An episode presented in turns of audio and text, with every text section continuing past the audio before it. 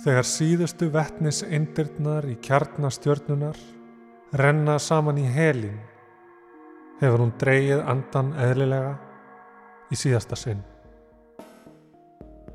Degjandi stjarnar er falleg stjarnar og hún brennur enn. Skín jafnvel skærar þegar kjarnin fellur saman og kvolvin þannjast út.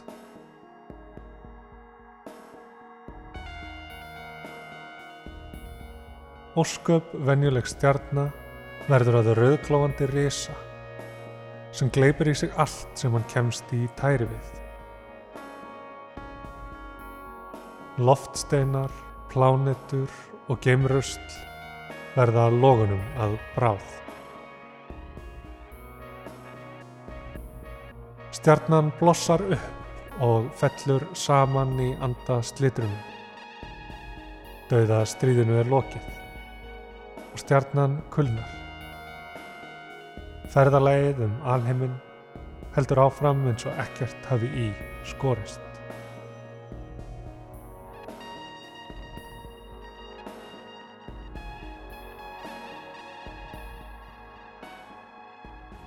Þetta eru daburleg örlög sólarinnar okkar.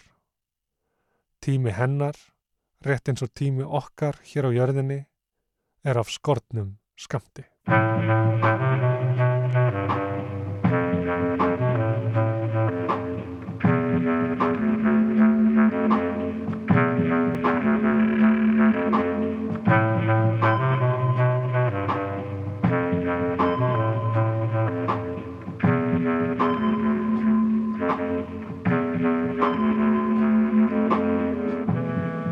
Góðan dag, kæri hlustandi. Ég er Snorri Rafn Hallsson og þetta er Ratsjá.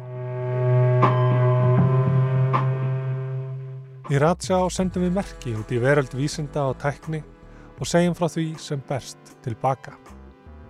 Í þessari litlu þáttaröð veltum við því fyrir okkur hvað þið nýja game kapplaup snýst um. Hvað gengur Bezos og Musk og öllum hinum til? Hver eru markmiðin hverjir eru kvatarnir og hverjar eru ástæðunar sem liggja baki þessum gríðarlegu fjárfestingum, þessum ótrúlega metnaði. Hvers vegna að fara út í geim? Það er stóra spurningin og hér er fjörða og síðasta tilraun til svars. Af því að við verðum að gera það.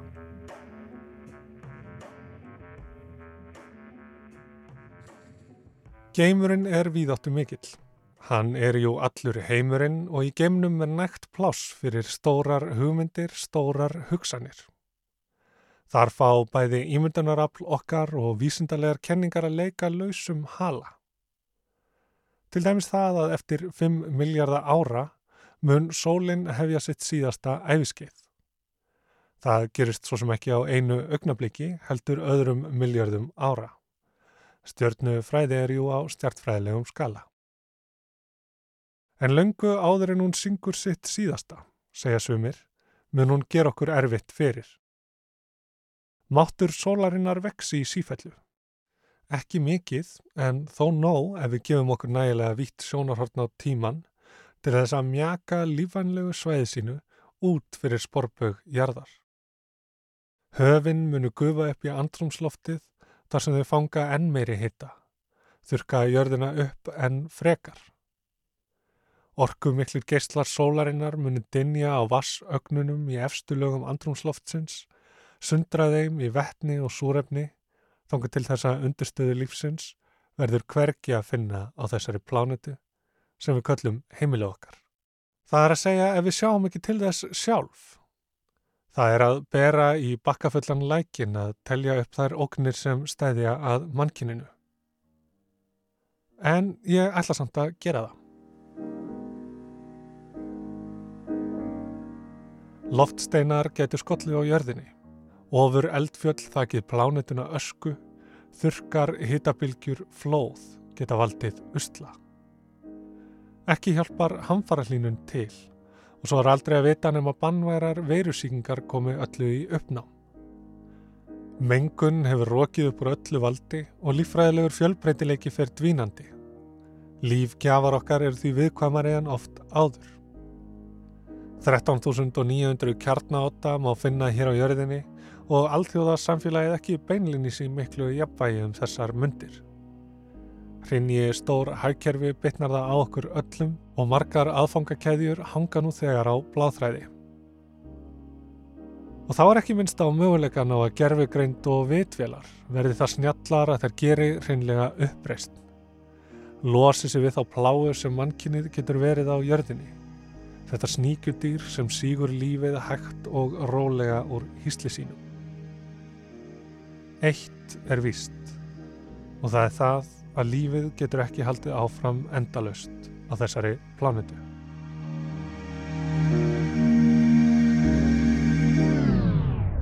En það er engin ástæða til að örvænta, kæri hlustandi. Jeff Bezos og Elon Musk er ekki bara gamespjallamenn sem búða fagnar erindið um að í geimnum sé allt hægt. Heldur er þeir einnig frelsarar okkar. Eða kannski ekki alveg, en þeir eru með plön. Þeir kumpánar eru full meðvitaður um þau vandamál sem við stöndum fram með fyrir. Þó þeir gangist kannski ekki alltaf við eigin hluti að skapa þau og viðhalda þeim. En þeir hafa hugsað upp lausnir. Þannig tvítaði Musk eftir hann skaut sportbílnum sínum á sporbögum sólu að lífið gæti ekki snúist um að leysa eitt sorglegt vandamáli á fætur öðru. Það verða að vera til hlutir sem veita manni innblastur. Gera mann gladan að vakna á modnana og tilheyra mannkinninu. Þess vegna gerðu þau þetta. Þau gerðu þetta fyrir okkur. Þannig ætla Musk og fyrirtæki hans SpaceX að byggja borg á Mars, gera mannkinnið að fjöl plánutu tegund ferri fyrstu sem vitað er um. Mars varð fyrir valinu því hann er nálagt í jörðinni og svipar til hennar. Á rúmlega tveggja ára fresti eru plánuturnar í grend hvorfi aðra og ferðalagið geti tekið jafnlangan tíma og það tók Phileas Fogg að fara umhverfis í jörðina í sögu Jules Verne, 80 daga. Tíman á milli þessarar nástöðu mætti svo nýta til að koma gemskipunum fyrir á sporbögum jörðu. Það grefst hvað mestrar orku. Þar má svo fylla á tankana og ljúka ferðalaginu með litlum tilkostnaði. En þegar þangað er komið er reyndar eitt vandamál. Á Mars er frekar kallt. En ekkert vandamáli svo smátt eða svo stórt að ekki sé ekkert að tækna sig út úr því. Það er ekkert sem smá manngjörð gróðurhúsa áhrif get ekki kift í liðin. Líkt á jörðinni eru Pólar Mars nefnilega þaktir ís og hefur Musk lagt til líklega meira í gamni en af alveru að ísinn mætti bræða með nokkrum kjarnarkusprengjum.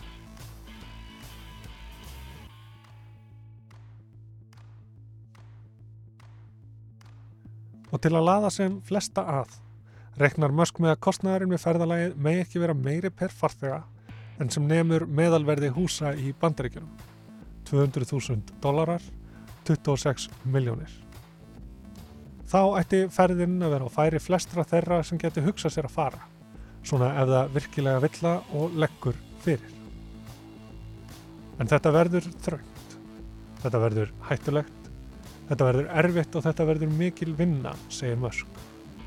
Þú gætir dáin. En samkvæmt honum mun þetta allt gerast innan skams. Fyrstu marsbúarnir eru líklega þegar komnið í heiminn og David Bowie fær loksins afgerandi já við spurningu sinni.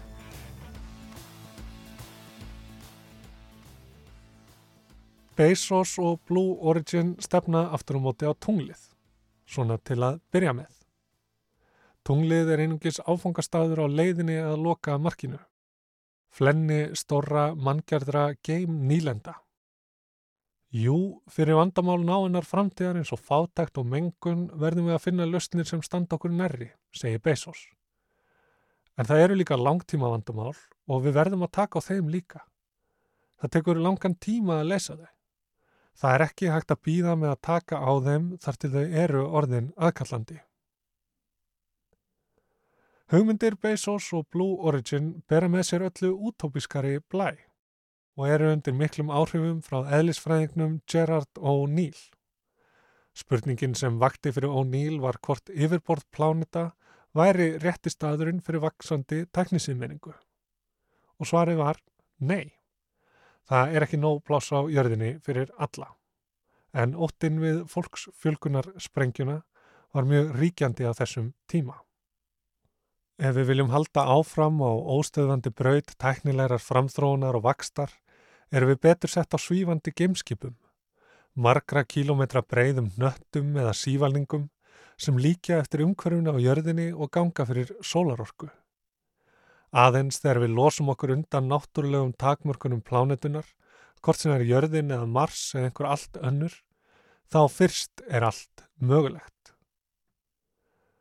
Fólksfjölgun er þó ekki helsta áhyggjöfni Bezos, heldur takmörkuð orka og öðlindir.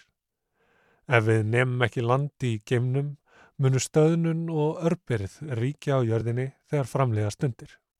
Bezos hefur því annað viðhorf til pláneta en Musk og sér þar frekar sem uppsprettu öðlinda. Bezos gefur því lítið fyrir talum plánetu B. Þar myndu sömu vandamálinn býð okkar. Það mætti frekar varðveita í jörðina, gera hann að friðlýstum þjóðgardi sem fólk geti heimsótt frá geim nýlendunum á spórbögum jörðu. Skítugum yðnaði væri þá sparkað úti í geim. Svo fyrstum sinn verða það hinn ríku sem fá að fara út í geim, síðar verða það þau sem fá að fara heim. Og nokkurnu einn svona er planið hjá Blue Origin. Fyrst þarf að byggja upp tíðan og áreðanlegan geimturisma. Það er í pípunum. Næst má koma fyrir smáum geimstöðum eins og þeirri alþjóðlegu þar sem ferðamenn geta dvalið í lengri tíma. Og þegar öðlindir geimsins hafa verið virkjaðar og numdar, maður hefist handa við að smíða hinn fantastísku og sjálfbæru lífkvolf. Þar má finna skóa og fljót, hvert og eitt er að með sitt eigið þema. Hvort viltu búa í Gameborg framtíðarinnar eða Róm fortíðarinnar? Þitt er valið. Það komast miljón manns í hvert kvolf og game legubílar munu skuttla fólki á milli. Og eftir því sem fleiri fæðast í geimnum má smíða fleiri líf kvolf. Og einn daginn mun mannkinnið telja biljónir eða triljónir. Takmarkanir jarðarinnar, ekki lengur vandamál. Skref fyrir skref af ákafa og það er einungis fyrsta skrefið að koma okkur fyrir í borgum á Mars eða í lífkvolvum á sporbög um jörðina.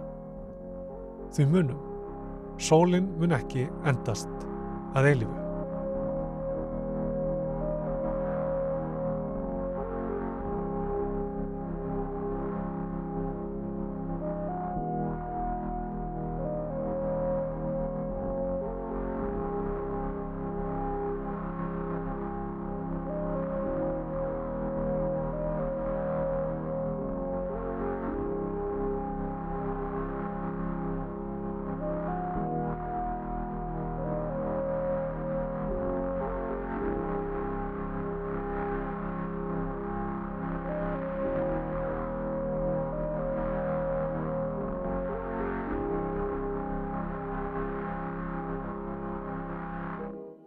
Að Woody Allen saði að eilíf sé óskaplega langu tími, sérstaklega í lokin eh, en okkur er auðvitað ófært í sjálf og sér að skilja hugtaki eilíf en, en ef við ætlum að lífa eh, lengur en eh, stjarnan okkar sólinn þá þurfum við að finna okkur búsettu vitanlega utan sólkerfisins. Hér heyrum við í Baldri Arnarsinni. Hann hefur verið ötull þýðandi hinn að ímsu eðlisfræði og vísindarita og nú síðast hittan á samt Gunnlegi Björnsinni profesor og Sævari Helga Bragasinni bókina Framtíð mannkins eftir Michio Kaku.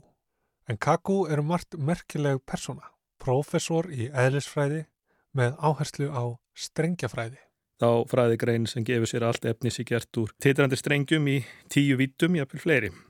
Árið 1955 þegar hann er 8 ára að þá sér hann grein um andlát Mikils Vísindamanns, uh, sákett Albert Einstein. Og meðfylgdi ljósmyndar skrippborði meistar hans og, og hvernig hann hefði glýmt við ólistar gátur alheimsins allt til loka. Og þetta vakti forvitni hjá Kakko Littla sem fekk mikinn áhuga á vísindum. Og það var á þessu skeiði sem hann fór að sakna þess að finningi fleiri bækur á bókasafninu um það sem hæst bar þá í vísindum sem væru ætlaðar almenningi og, og hefur hann sem vísindamaður lagt sitt að mörgum til að bæta úr því. Kaku hefur gert ótal fræslu þætti fyrir útvarp og sjónvarp en einnig skrifað fjöldanallan af bókum. Svo nýjasta framtíð mannkins ber undirtitilinn Leiðir til að jarðgera Mars, ferðarlög milli stjarnana, ódöðleiki og örlög okkar handan jarðar.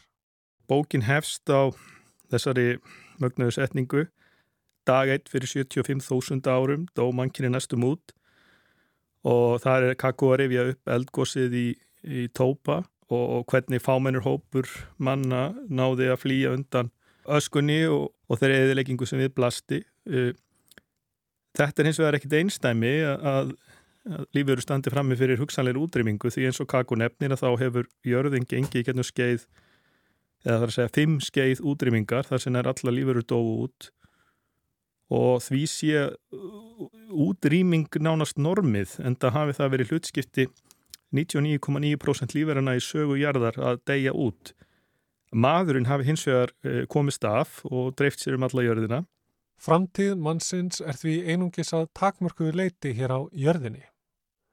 Örlög okkar ef við ætlum að lifa eins lengi og mögulegt er, er að verða fjöl plánitu tegund. Kaku bendir á að það sé um 20 miljardar reykjastjárna í veitarbreytinu okkar að því er áallað er. En af því leiðir að mikla líkur eru á að fleiri ríkistjórnur reykjastjórnur ásakað séu byggilegar mönnum og þá er áskoruninn að komast þangað og setja ekki inn í fleiri korfur uh, tryggja fram til mannkins. En fyrst þarf auðvitað að stefna á Mars uh, sem verður ef Kakku reynir Sansbár fyrsta reykjastjárnan utan jarðar sem verður byggileg mönnum ef við horfum til framtíðar að þá kallar uppbygging innviða utan jarðar á aðkomu þjarka eða sem voru áður nefndir vélmenni. Við höfum tengt geimferðir við það að menn í búningum séu að fara út í geim og vinna verkefni okkar vegum. Það er þá viss við með að skipti þegar að þjarkar fara raunin að kanna heiminn fyrir okkur og auðvitað er þetta þegar hafið á þann hátt að geimförin sem við höfum sendt til þess að kanna reykistjörnunar og, og lengra út í geim. Auðvitað er það tæki að rannsaka heiminn fyrir okkur en, en það er viss við með að skipti þegar að tækin eru farin að geta hugsa sjálfstætt og, og farin að geta byggt upp hluti þannig að það verður raunhæft fyrir menn að fara á tunglið og, og svo Mars síðar. Og jafnframt þá er Kaku að tala um það að, að til þess að geta rannsakað önnu sólkerfi eins og mannfákin að þá megi senda með leysigislum uh, agnarsmá könnunaför sem nái 15 á ljósræðanum og uh, verði þess vegna 20 ára að fara þessi fjögur ljósár og uh, síðan er í framhaldinu hægt að senda þá þjarka til þess að undirbúa komu okkar og Þarna eru við raun eða velmenni og þarna er, telja að séu við með að skipti í því hvernig uh, við hugsaum um gamekonun. Þetta hljómar á köplum fjärstæðukent en það að byggja stöð á tunglinu og jafnvel á Mars er innan seilingar með þeirri tækni sem við búum nú þegar yfir eða erum að þróa. En hvernig förum við lengra? Varðandi geimferðir til annara sólkerfa þá útheimta þær smíði stjörnurskipa, þar að segja gameskipa sem silt geta milli stjarnar eða sóluna. Þau þurfa þá að geta farið á mun meiri hraða en gameflugar geta í dag og Kaku teku þetta fyrir í áttunda kapla bókarinnar og lýsist því hvaða tækni er raunhefist á þessu stíi. Nano gameskip, leysisegl, þrýstir heflar, knúnir, kjarnasamruna og andefnisfélar. Þetta ég veit að þetta eru laung og samsett orð en Hér er hugsanlega í fyrsta skipti verið að þýða sum þessara hugtaka á íslensku og í þessu sambandi þá tel ég rétt að hafa hugfast að Kakó er að varpa núverendu hugmyndum á framtíðina en hún mun væntanlega fel í sér eitthvað óvænt og byltingarkend sem mun breyta fórsendunum. Kjarnorka nútímans er beistluð þegar kjarnar óstöðugra efna klopna. En í framtíðinni getum við mögulega fangað orku sem verður til þegar atóm renna saman. eins og í kjarna sólarinnar. Orkan verður þá bæði miklu meiri og mun stöðuri. Það vil svo til að, að Sveitn Ólásson vinnu minn, Ælisfræðingur, hann telur að sé aðeins tímaspusmál hvernig af þessu getur orðið. En þetta geti haldist í hendur að uh, við fáum artaka kjarnorkunar og byltingarkendar geimflögar sem getur þá knúið þessi stjörnuskip.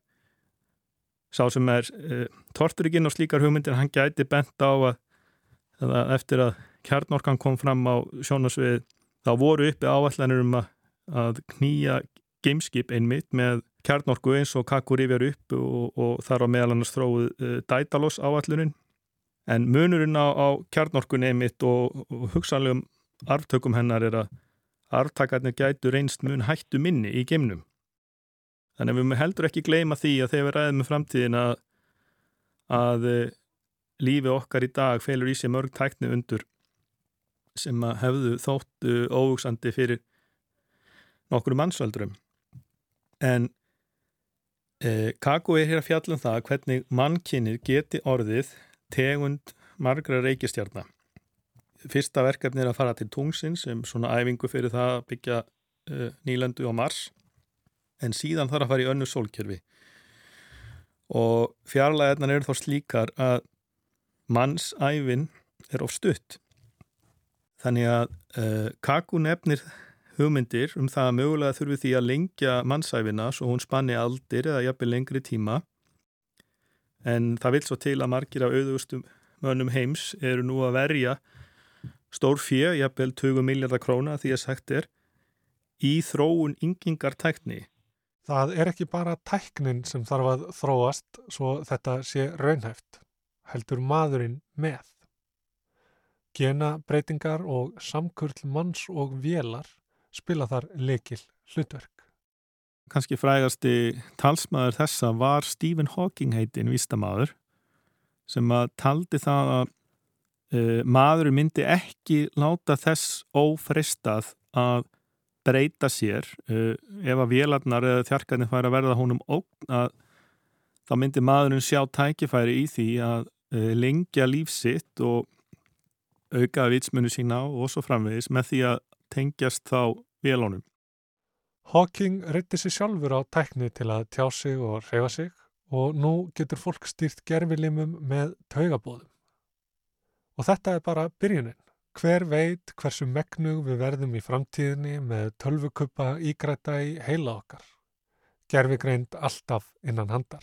Ég get að þetta ekki tala fyrir hönd Kaku en mig grunar að markmið hans sé að hvetja marga af ríkustu mönnum heims, þar með talið Elon Musk og Jeff Bezos og fleiri að þeirra sögða á sig til dáða og verja uh, fjármunum í geimrannsóknir mannkynnin til hagspóta og þetta eru þeir tver Musk og Bezos þegar að gera í gegnum SpaceX og, og Blue Origin Afarakstur allar þessara rannsókna gæti orðið nýtækni til að lækna sjúka og bæta lífskilir okkar og þannig að í sem styrstu máli að þá kannski þjónar þessi eh, framtíðasín sem einhvers konar markmiðsetning sem að eh, færi okkur þá framar. Kaku leifir sér að vera nokkuð ævintýralegur í hugsun. Þar sem aðrir sjá hindranir sér hann tækifæri og hann veldir meðal annars upp möguleikanum á fullkomnum samruna manns og vélar. Þar sem stafrænt eintak af meðvitund er ekki bara ódöðlegt heldur færtum að flakka á milli vita. Þannig getum við ekki bara lifað af dauða sólarinnar heldur alheimsins. Þetta er tæktni higgja. Hún fælst í því að maðurinn muni aðalaga sig nýjustu tæktni og hún muni beina manninum í nýjar áttir og litiðum auksla þá sjáum við að hvernig innbildingin og gufuvélinn hún margfaldaði e, framleiðslu mátt okkar og hún gerði nútíma borgi mögulegar tengdi saman heimsálfur. Og auðvitað er ekki langsótt að, að frjóir hugir hafi séð fyrir sér hvað ef við þróumst enn meira getum smíðað stjörnuskip það er að segja skip sem geta silt milli sólkerfa hvernig verður við þá? Já, hvernig verðum við þá? Þeirri spurningu verður ekki svarað hér Tíminn einn getur gert það. En þangað til þá höldum við áfram að láta okkur dreyma um geimin. Við höldum áfram að rannsakan og við hættum ekki að reyna að græða á honum. En umfram allt þá undirbúum við okkur undir hvað svo sem koma skal.